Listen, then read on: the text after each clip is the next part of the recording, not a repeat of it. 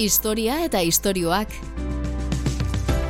Hitza, ahotsa eta soinua aztarna zahar eta berrien oihartzuna. Karlistadak, gerra karlistak, Espainia, estatu Espainiarra emeretzigarren mendean astindu zuten borrokak dira. Gerra hauek Euskal Herrian eragin berezia izan zuten. Baina antzerako atazkak Europa osoan bizi izan zituzten. Bi mundu, iragana eta berrikuntzaren aldekoa aurrez aurre jarri zielako. Mikel Alberdi, historiagilea. Bi munduen arteko gatazka bat, batzuk azkeneko irumendeetan indarrean egontzan sistemaren aldekoak, eta beste batzuk berriz, ba, iraultza fr frantzesaren ondoren etorriko dan sistema berriaren aldekoak. Eta e, horrek Europan forma desberdin asko hartu zituen, eta hemen Euskal Herrian karlistadak izan ziren gatazka horrek hartu zuen e, forma. Europa osoan bizi izandako gatazka honek Euskal Herrian eragin eta ondorio bereziak eta larriak izan zituen, besteak beste foruen galera ekarri zutelako, baina beste kontu batzuk suspertu zituzten. Esan dezakegu hor dagoela Euskal Abertzaletasunaren iturri nagusia, ez? Forua galtze hortatik etorriko dira, ba, ba hori, Abertzaletasunaren jaiotza. Karlistadak, gerra karlisten ondidurakoak aztergai Mikel Alberdi historiagilearen laguntzaz. Historia eta istorioak Juan Josan Miguelekin. Historia, nazioartea eta giza iragana ahots hautatuen eskutik. Elkarrizketen bidez, gizakiok gaur egunera arte ekarri gaituzten bideak jorratuz. Mikel Alberdi historiagilea da, Zumalakarregi Museoko artxiboko arduraduna, eta karlistaetan, ba, benetako aditu dela esan genezake. Mikel, zemoz? Ondo. Karlistak edo gerra karlista ditutakoak, Estatu Espainiarra emeretziarren mendean ba, astindu zuten e, gatazka dira, arrazoiak eta eragilea ziurazki asko izango dira, baina bat jas, e, jarri beharko bagenuke edo aipatu beharko bagenu e, ze izango zerk piztu zuen esatu lehen karlista da?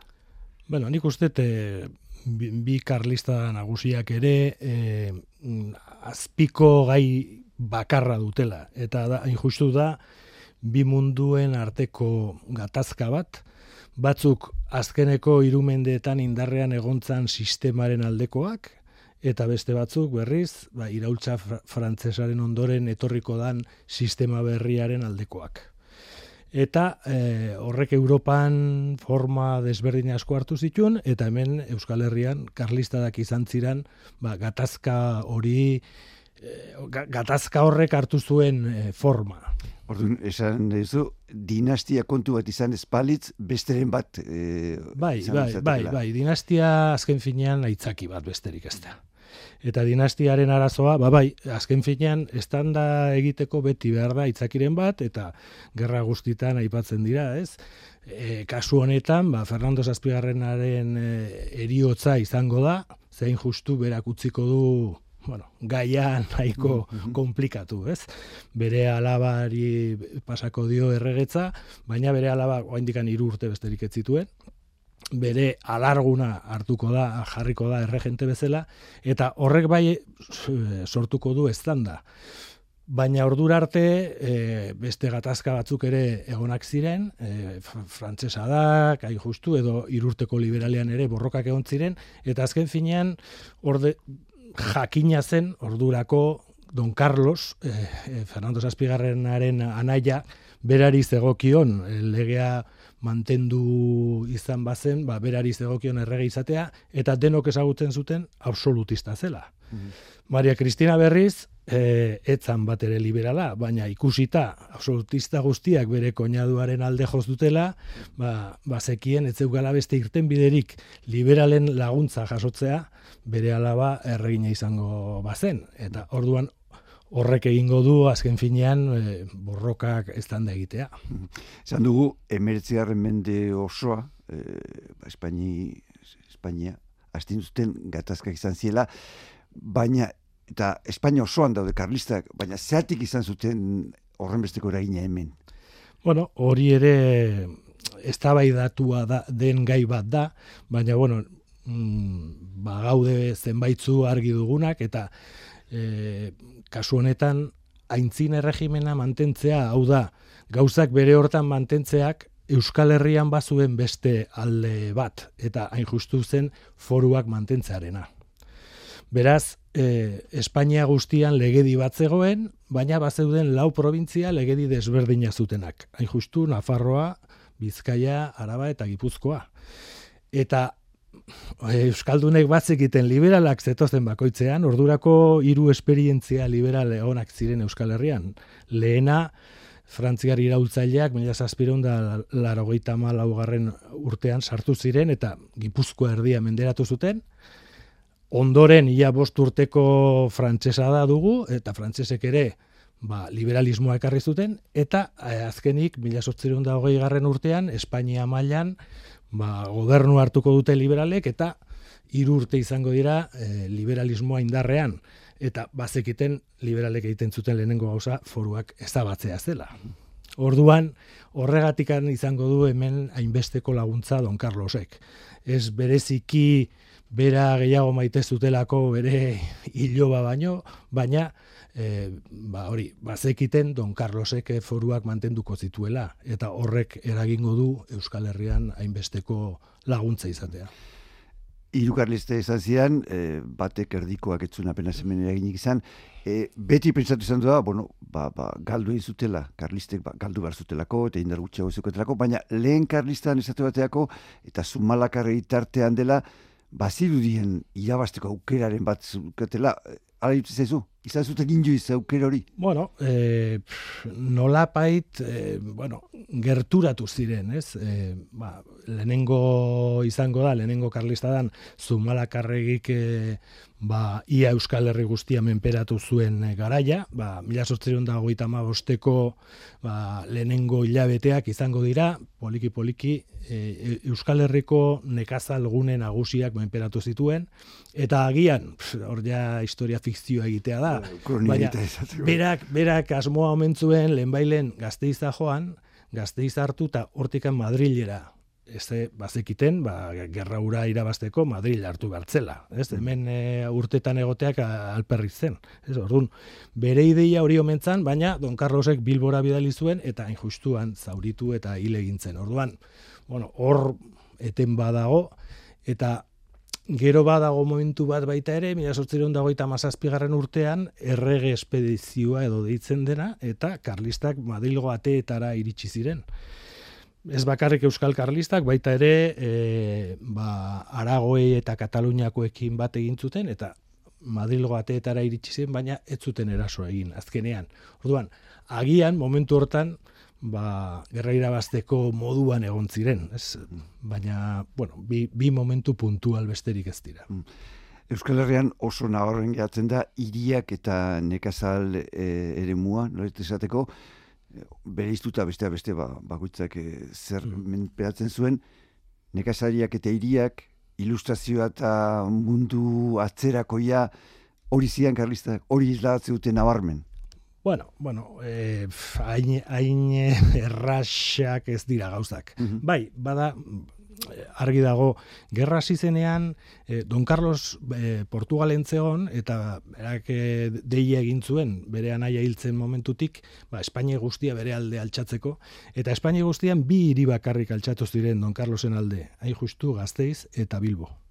Eta biak egon ziren ia hogei hogei tamar egun Carlisten menpe Noski tropa bidali zituzten Madrildik eta segituan hartu zituzten eta hortekan aurrera gerra guztian zehar lau euskal hiriburuak eh, liberalen esku egon ziren. Ordurako ba, bai, ta, bai Iruña eta bai Donostia noski e, guarnizio militarrak ziren eta gaina sekulako arresiak zituzten, beraz etzean ez da saiatu ere ingo hartzen, ze mm. karlistek ez zuten izan nahikoa indarrik e, Iruña edo Donostia bezalako hiri bat hartzeko. Bertakoak liberalak zian, bertan bizi zienak. Bueno, ba, e, gobernua zutenak agintariek bai, Bai, eta baita ere e, voluntarioak ere egontzean, noski e, baita nekazalguneetan ere, ba, esan dezakegu, adibidez, ordizia, ordizia e, zumalakarregik e, hartu zuen, ba, justu, e, hogeita mausteko udaberrin, eta ordura arte liberalen esku egontzan eta ordiziako liberal voluntarioak ba, donostira joko dute. Ja, Gipuzkoa osoko edo e, nekazalgune guztietakoek ba, bizkaitarrek bilbora, e, arabarrak gazteiza, baina bat zeuden baita ere. E, eta horrek ere e, badu beste alde bat, donostian ere karlistak bat zeuden. Baina noski agintea beti liberalen esku. Historia eta istorioak. Itza, hotxa eta soinua. Euskal Herrian karlisten lemak edo pixate borroka zuten erligioa, erregea eta foruak, ez gutxura bera. Mm. Hemen kanpo Espainiko karlistek zer zuten e, lema moduan edo helburu moduan edo? Ba, beti ere erligioa denek erabiliko dute eta ba, erregea ere bai. Ba, e, azken finalen esan duguna, gauzak bere hortan mantentzearen aldekoak mm -hmm. sortuko dira. Eta e, esan behar baita ere, Espainia mailan hainbesteko eraginik etzuela izan. Eh, naiz eta Espainia mailako gerra zibila izan, ba, Katal, bai Katalunian eta Aragoen zati baten eta Euskal Herrian bereziki, baina hortik kanpo indar gutxi izan zuten karlistek. Eta badago, ba, anekdota bat nahiko argi uzten duena, hori eta hain justu mila sortzireun da, hogeita amaseian, espedizio bat, bueno, hasizian karlistak, hemen zeuden e, ongi kokatuak Euskal Herrian eta pixkat Espainian gerra zabaltzeko edo espedizioak antolatzen. Eta bat egontzan Gomez generalaren e, espedizioa bezala esagutzen dena, sei hilabetez ia Espainia guztia, peninsula guztia zeharkatu zuen, eta bueltan iritsi izan sei hilabete ondoren, mm, ba, gutxi gora bera, e, jende berdinarekin, eta, ba, Iristen zenean hartu zituen Oviedo, Santiago de Compostela, Cáceres, Córdoba, e, peninsula guztiko hiriak, baina behin ateatzen zidan handik eta berriro ere liberalen esku erortzen ziren, ez? Eta orduan oso, bueno, nahiko jarraipena izan omen zuen Europa mailan baita ere espedizionek, Gomezen espedizioak, esaten da adibidez, e, Rusiako txarrak edo jarraitze zuela egunero galdetze omen zuen donde anda Gomez.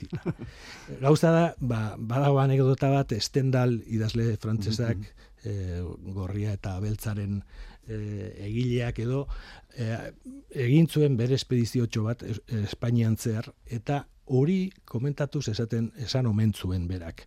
E, Gomezen espedizioak erakusten duena da Espainia ez dela ez karlista eta ez liberal. Karlista izan balitz egin duen buelta guzti horretan ja irabaztia zuen. Penisula guztia berea zan. Baina hiri batetik irtetzen zen bezain laster galtzen zuten. Eta liberala, liberala izan balitz Espainia, horrelako espediziorik etzen egongo. Mhm. Nola joango zea, e, peninsula guztia zeharkatzen, gehienez irumila bat soldaduko armada bat, ez? Mm Orduan, ba, nik uste oso ondo ikusi zuela estendalek, ze benetan hori erakusten du. Mm Ez zegoela indarra hundirik ez alde batetik eta ez bestetik. Hori bai, parean zeudenak ziren alde batetik Espainiako armada osoa, ze liberalak azken finean ia armada guztia gelditu zen Isabelen alde borrokatzen eta nolapait liberalismoa indarrean jartzen eta bestalde ba, ba hori er, herria altxatua hain balekutan bai Katalunia aldean bai maestrado bereziki Aragoe aldean eta bai Euskal Herrian. Esaten dugu hiru karlista izan ziela e, lehen da bizikoak eta hirugarrenak guretza lehen da biziko eta bigarrena dienak Euskal Herrian erain handi izan zuten baina erdikoak hemen mm. ez zuen inungo eraginik izan. Bai. Zeratik, zer gertatu zen hor? Bueno, hor gertatzen dena da, e, iru karlista da hitz egiten dute mm, berezik historigile karlistek. E, karlistek, karlistak ez diranak, edo, bueno, nik uste e, gehienak e, bigarren hori ez dutela onartzen karlista da bezala. Orduan, ba, ez dakit Jordi Kanal bezalako historiile serioak esaten du etzan iritsi eta gaina beste gai desberdinak nastuta zeuden. Ze, ze azken finean nastu zen nola bai, mila sortzen da berroita sei, berroita sortzi behatzi bitartean izan zan, gehien bat Katalunian, mm hemen etzan apenas ez zer gertatu. Hemen gertatu zen gauza bakarra alza eh, general karlista ba, atzerritik, frantzitik etorri zan, sarreratxo bat egintzun, aralarren buelta pare bat, porrota izan zuen e, saiatu zen e, hainbat e, ekintzetan eta harrapatu zuten e, eta zaldibin fusilatu egin zuten eta hor bukatu zen hemen gerra guztia. Beraz ez, ez da gerra deitzerik ere. Eta Katalunian ba nastu zen beste elementuekin errepublika zaleak ere altxatu ziren eta ordun esaten da ba, beste gauz bat izan zala Ez, ez, ez, Zuketzen duke kokatuko karlista, karlistaren artean. Bi, bi karlista mm. aipatzen ditugu, Euskal Herrian noski arrazoi guziekin, baina Espainia mailan ere, ba, bori, beste izen batzuk ere hartzen ditu, la revolta del Sagrabiatz, edo izen ez ezagutzen da, baita ere Katalunian, eta karlista da bezala, ba, gehiagikeri bat iruditzen zaigu horri karlista da deitzea. Bigarren karlista da beraz, e, eta azkena. Bai, oso garrantzitsua izan zen, besteak beste, ba, horren ondorioz foruak endu zituztelako. Zer egin izan zuen horrek? Bueno, eh, eragina izugarrizkoa, noski. E, bueno, esan dezakegu hor dagoela Euskal Abertzaletasunaren iturri nagusia, ez? Foruak galtze hortatik etorriko dira, ba, ba hori, Abertzaletasunaren jaiotza. E, lehenengo kulturalki eta gero, ba, Sabino Aranak, ba, e, bere ideiak zabalduko ditu. Beraz, hori izango, e, azkenean, e, esan dezakegu, azken e, emaitza edo ondorio nagusiena hori izango dela. E, bitxia da, ze hain justu, liberalak, e, lehenengo karlistaban, liberalak foruak aldatzearen aldea gertuko dira denbora guztian. Noski, hainbat gai zeuden, beraientzat, bai Bilbo eta bai Donostiako merkataritzaren traba zirenak, adibidez, aduanak ebro ibaian mantentzearena, eta hori aldatu arte, ez zuten etxi. Baina behin, ja, lehenengo karlista bukatu ondoren, ba, badaude urte batzuk non liberal askok hasiko dira bueno, aldatu ditugu aipat gauza, baina beste gauza batzuk interesgarria dira foruetan. E, eta orduan, foruaren onurak ere defendatzen. Eta horren ikur e, izan daiteke iparragirre eta gernikako arbola. Ez hain justu, mila sortzeron da berroita mairu garren urtean, sortuko da bestia, eta sekulako arrakasta izan zuen, eta e, ba, fora, foruzaletasuna zabaldu egingo da. Eta liberal asko ere foruen alde jarriko dira. Beraz, azkeneko gerra honetan, eta noski e, Bilboko defendatzaileak izan ziren liberal asko, kejatuko dira, zergatik zigortzen gaituzte gu. e, gu gobernuaren alde borrokan egon gea, baina guk ere foruak maite ditugu. Ez, eta hor, hor badago kontradizio bat, baina noski, e, zuzen zuzen izan zen, ba, zigorra Euskaldunentzat, ba, honekin bukatuko dugu. Ez. Bueno, kontzertu egatu zen hor, ez? Etzan geratu, pitxin bat beranduago, mila sortzen da, irurogeita amaseian e, desagertuko dira foruak eta handikan bi urtetara e, torriko dira kontzertuak. Nolapait e, oso labur esan da, esan, daiteke e, kontzertuak direla Espainiako administrazioaren porrotaren seinale bat. Zein justu, e, bi urte zeramatzaten e, ba, hori e, zergak jasonaian eta ezinean, eta orduan Madrilgo gobernuak esan zuen, bueno, hauek badara mate hemen mendeetan zergak jasotzen, zergatik ez diogu usten eh, lan hortan jarraitzen, eta eman dezatela ba, urtero diruko puru bat, guk ematen ditugun zerbitzuen truke. Mhm. Eta hori da, kontzertu ekonomikoa, eta nolapait, Ba, bueno, hori da foruen azken aztarna, ez? Geratu zaigun, gaur, gaur arte, eta pentsasazu urte hauetan izan duen garrantzia, ez? Ziurazki, karlistak aipatzen ditugunean, guztioi bere ala burure izen badatorkiu, zumala karregi, lehen karlistan izan, ze garrantzi izan zuen, eta bere eriotza hain irabaki izan zen? Bueno, zaila da jakiten, ez? E, ba, ba, hori, ze gertatuko zen espalitzil. Baina bai, egia da, e, garrantzitsua, oso garrantzitsua izan zela, ba hori sekulako jarraitzaile pila lortu zuelako, ez, bere atzetik eta bai, eh, atzera pausu bat mm, zalantzari gabe karlistek ez zuten handikan aurrera lortu bera, bere mailako ba, buruzagi militarrik. Beraz, ba, bai, eragina handia izan zuen. Baina noski, ba hori, karliste gerra irabaztiko testuten hori ja asko satea da. agian gaina, zergatik ez, ba, zumalakarrik badakizu, bere anaia bai, bai, bai. zarrago bat, ba, liberalen e, buruzagi politiko bat izan zela, ez? Eta agian zergatik ez, zumalakarrik, ba, ba, ez dakit aldaketa politiko bat ere izateko aukera bazuen. Historia eta istorioak. Aintzinakoak gogoratu eta gaurkotuz. Bigarren karlistan eh, izen ezagunenak ziurazki aldaketarako aukera gutxi zuzkan, Santa Cruz apaiza, zati da infamatua eta zein da zesan detik buruz. Bueno, e, personai benetan ez ze azken finean denekin aserretu zen. Bai, bueno, hasieran noski, bera gerrilari bezala ibili izan, hasieran rekondoren gerrilari taldean, ze, apaisa bezala.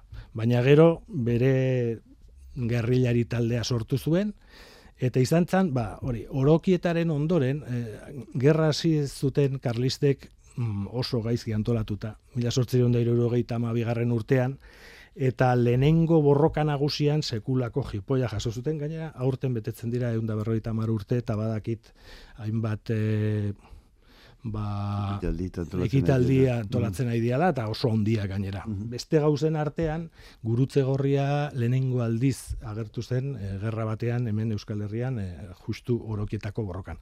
Gauza da, karlista asko zeudela voluntario borrokatzeko, baina armari gabe eta oso gaizki antolatuta, orduan lehenengo kolpean, ba, sekulako jipoia jaso zuten, iaia harrapatzen dute preso Don Carlos, eta ies egingo du iparraldera, eta orduan hainbat hilabetetan atzera joko dute karlistek, bakoitza bere etxera, eta edo e, frantziara, eta orduan, berrantolatzen dauden bitarte horretan, borroka mantendu zuen bakarra Santa Cruz apaisa izan zen. Orduan, pasazitun hainbat hilabete, bera bakarrik borrokatzen, ba, gerrilari teknikak erabiliz. Noski karlistek beste asmo batzu zituzten, ez? Armada bat eta eta beste gerra mota bat egitekoa, baina bitartean ez ditzaien gaizki etorri, ba Santa Cruz hemen egotea horretan.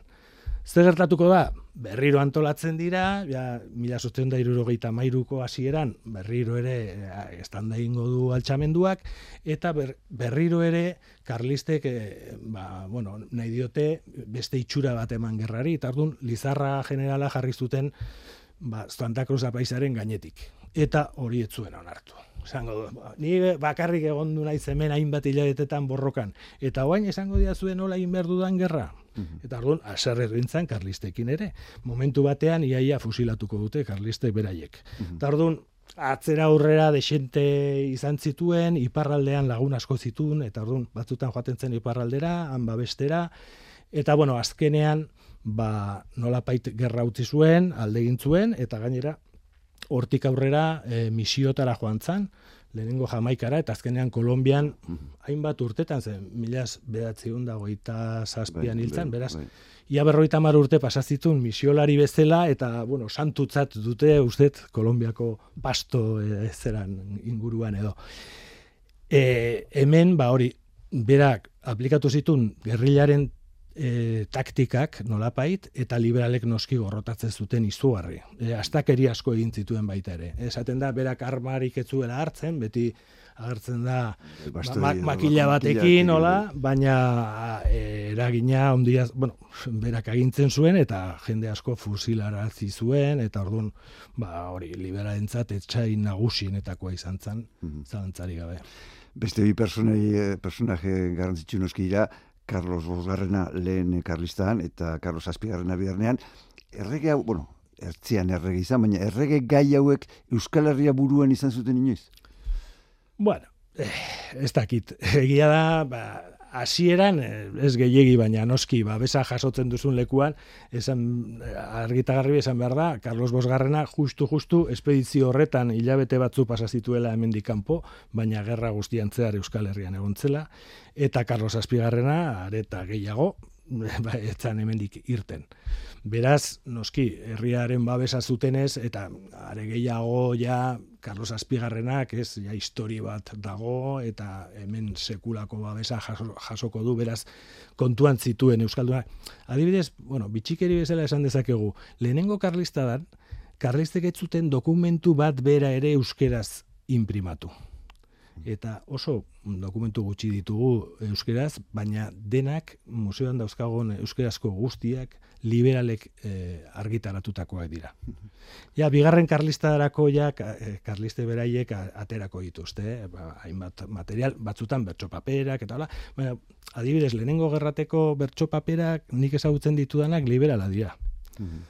Ez? Eta, e, bueno, horrek ere zerbait esan nahi du. Ez? Orduan, askotan esaten da, nola lotu, ba hori, mm, karlismoaren jerarkia bat, dokumentu guztiak gazteraz egiten zituzten, jarraitzaile gehienak euskaldun utxak ziren, ez mm. zuten ulertzen, beraz, nola lotu, ez, bai. dokumentu horiek e, jendearen e, eragina nola, nola iristen zen, ez, noski hor, bitartekari batzuk egon bertzuten, askotan apaizak, ez, sermoietan eta, e, edo bestela, ba hori, gaztelea ulertzen zutenak. Ze, gehiengoa, ez gipuzkoa mailan, ba, igual, euneko laro gehia zen Euskaldun elebakarra. Mhm. Mila batzen dugu eta amaseian, bukatu zen bigarren e, karlista edo gerra karlista. Oita meretzian. o, parretu, ez, e, bigarrena. Ah, bigarrena, ah, bai. Iru eta amaseian. Ah, bai, bai, bai, bai. Eta, baina horretzan karlismoa bukatu. Hortik aurrera, karlismoak zer egin izan zuen, bai Espainiko politika gintzen, baita Euskal Herrikoan ere. Ba, Euskal Herrikoan, oraindikan asko, izugarri oso garrantzitsuak izan ziren, eh, hainbatetan irabazi zituzten eh, hauteskundeak, baina bueno, oso bide komplikatua izan zuten. Zai justu mendea bukatu aurretik ere estizio nagusi bat izan zuten, integristak, ba, oraindikan ere erlijioari garrantzi gehiago ematen ziotenak, eta agian bereziki Don Carlos maite ez zutenak, ze Don Carlosek nahiko bizitza ez dakit aldre bestu izan zuen, ba, bueno, hainbat, bueno, bigarren, bigarren aldiz eskondu zenean alargundu intzan, eta bigarren aldiz, ja, bigarren emaztea jende askori zitzaion gustatzen, eta gero, bueno, hainbat, e, e, ba, ez dakit, e, gertakizun izan zituen, e, Europan zehar bizi izan zen gara horretan, eta ardun, Don Carlosen gandi pixkatu urrunduko dira batzuk, eta integrismoa sortuko dute, baina hoiek ere sekulako indarra izan dute hemen Euskal Herrian. Eta gero, ba, noski, e, e, ez dira, jeltzaileek edo indarra handiak enduko diote, e, askok joko dute, ba, Sabino Aranaren e, e, partidoara, edo, eta alder dira, eta e, ja, ba, ba, gerra zibila garaian, ba, oraindikan ere Nafarroan sekulako indarra zuten, Gipuzkoan e, ere bazuten berea. Mhm. eh?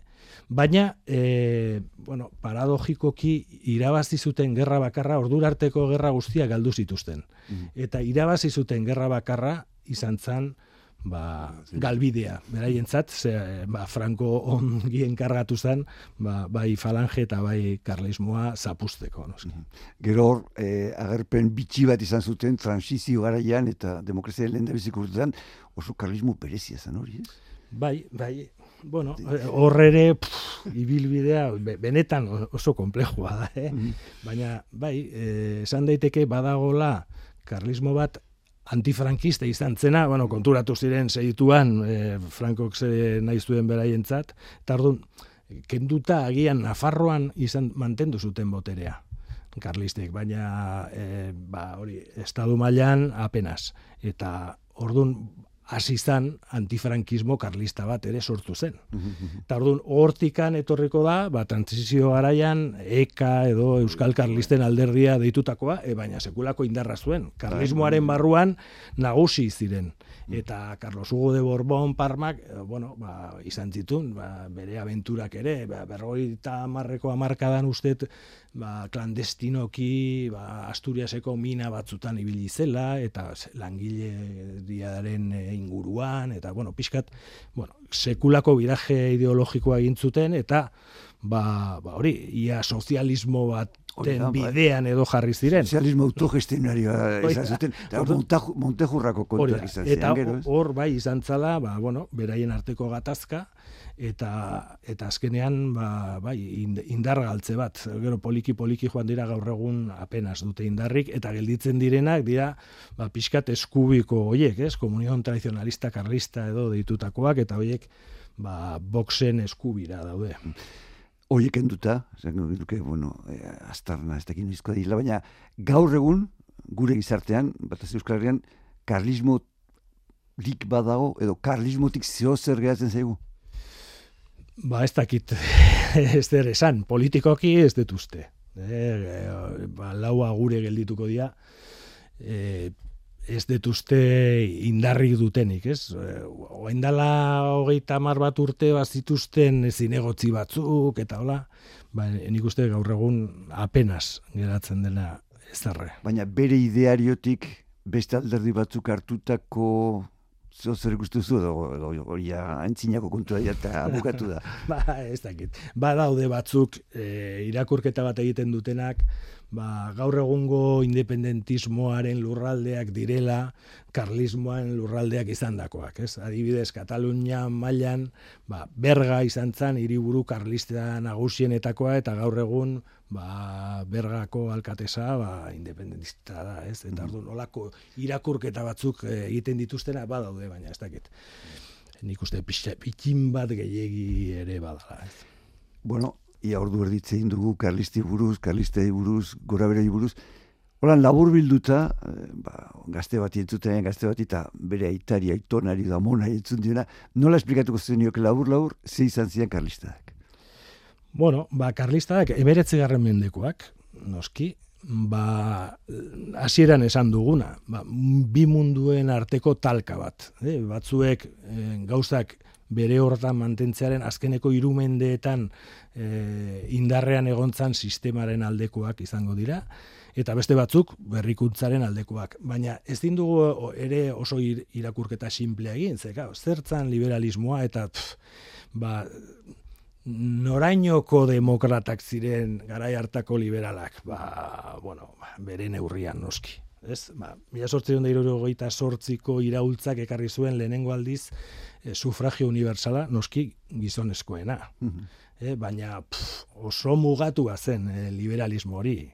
Beraz, e, hainbat kasutan, ba, ez dakit, nekazalgunetan eta horrek zekarriko du, ba, hainbat e, komunalen privatizazioa, ba, ba, beste e, gauzak kudeatzeko beste modu bat, kapitalistagoa noski, eta ba, e, jende xearentzat gogorragoa izango dena, noski. Beraz, ez da esatea ez batzuk e, hori Espainiatik begiratuta ere behin baina gehiagotan aipatzen zuten garai hartako liberalek eta e, noski zuek aizeate zuen e, ba, oiturak eta defendatzen zuen askatasunak defendatzen baina zuen askatasuna gure kateak dira mm. Ze, noski hemen foruak mantentzea suposatzen du Madrilen errege absoluto bat egotea mm. ez orduan ba, hortxe dago, ez, kontradizio hori, ez?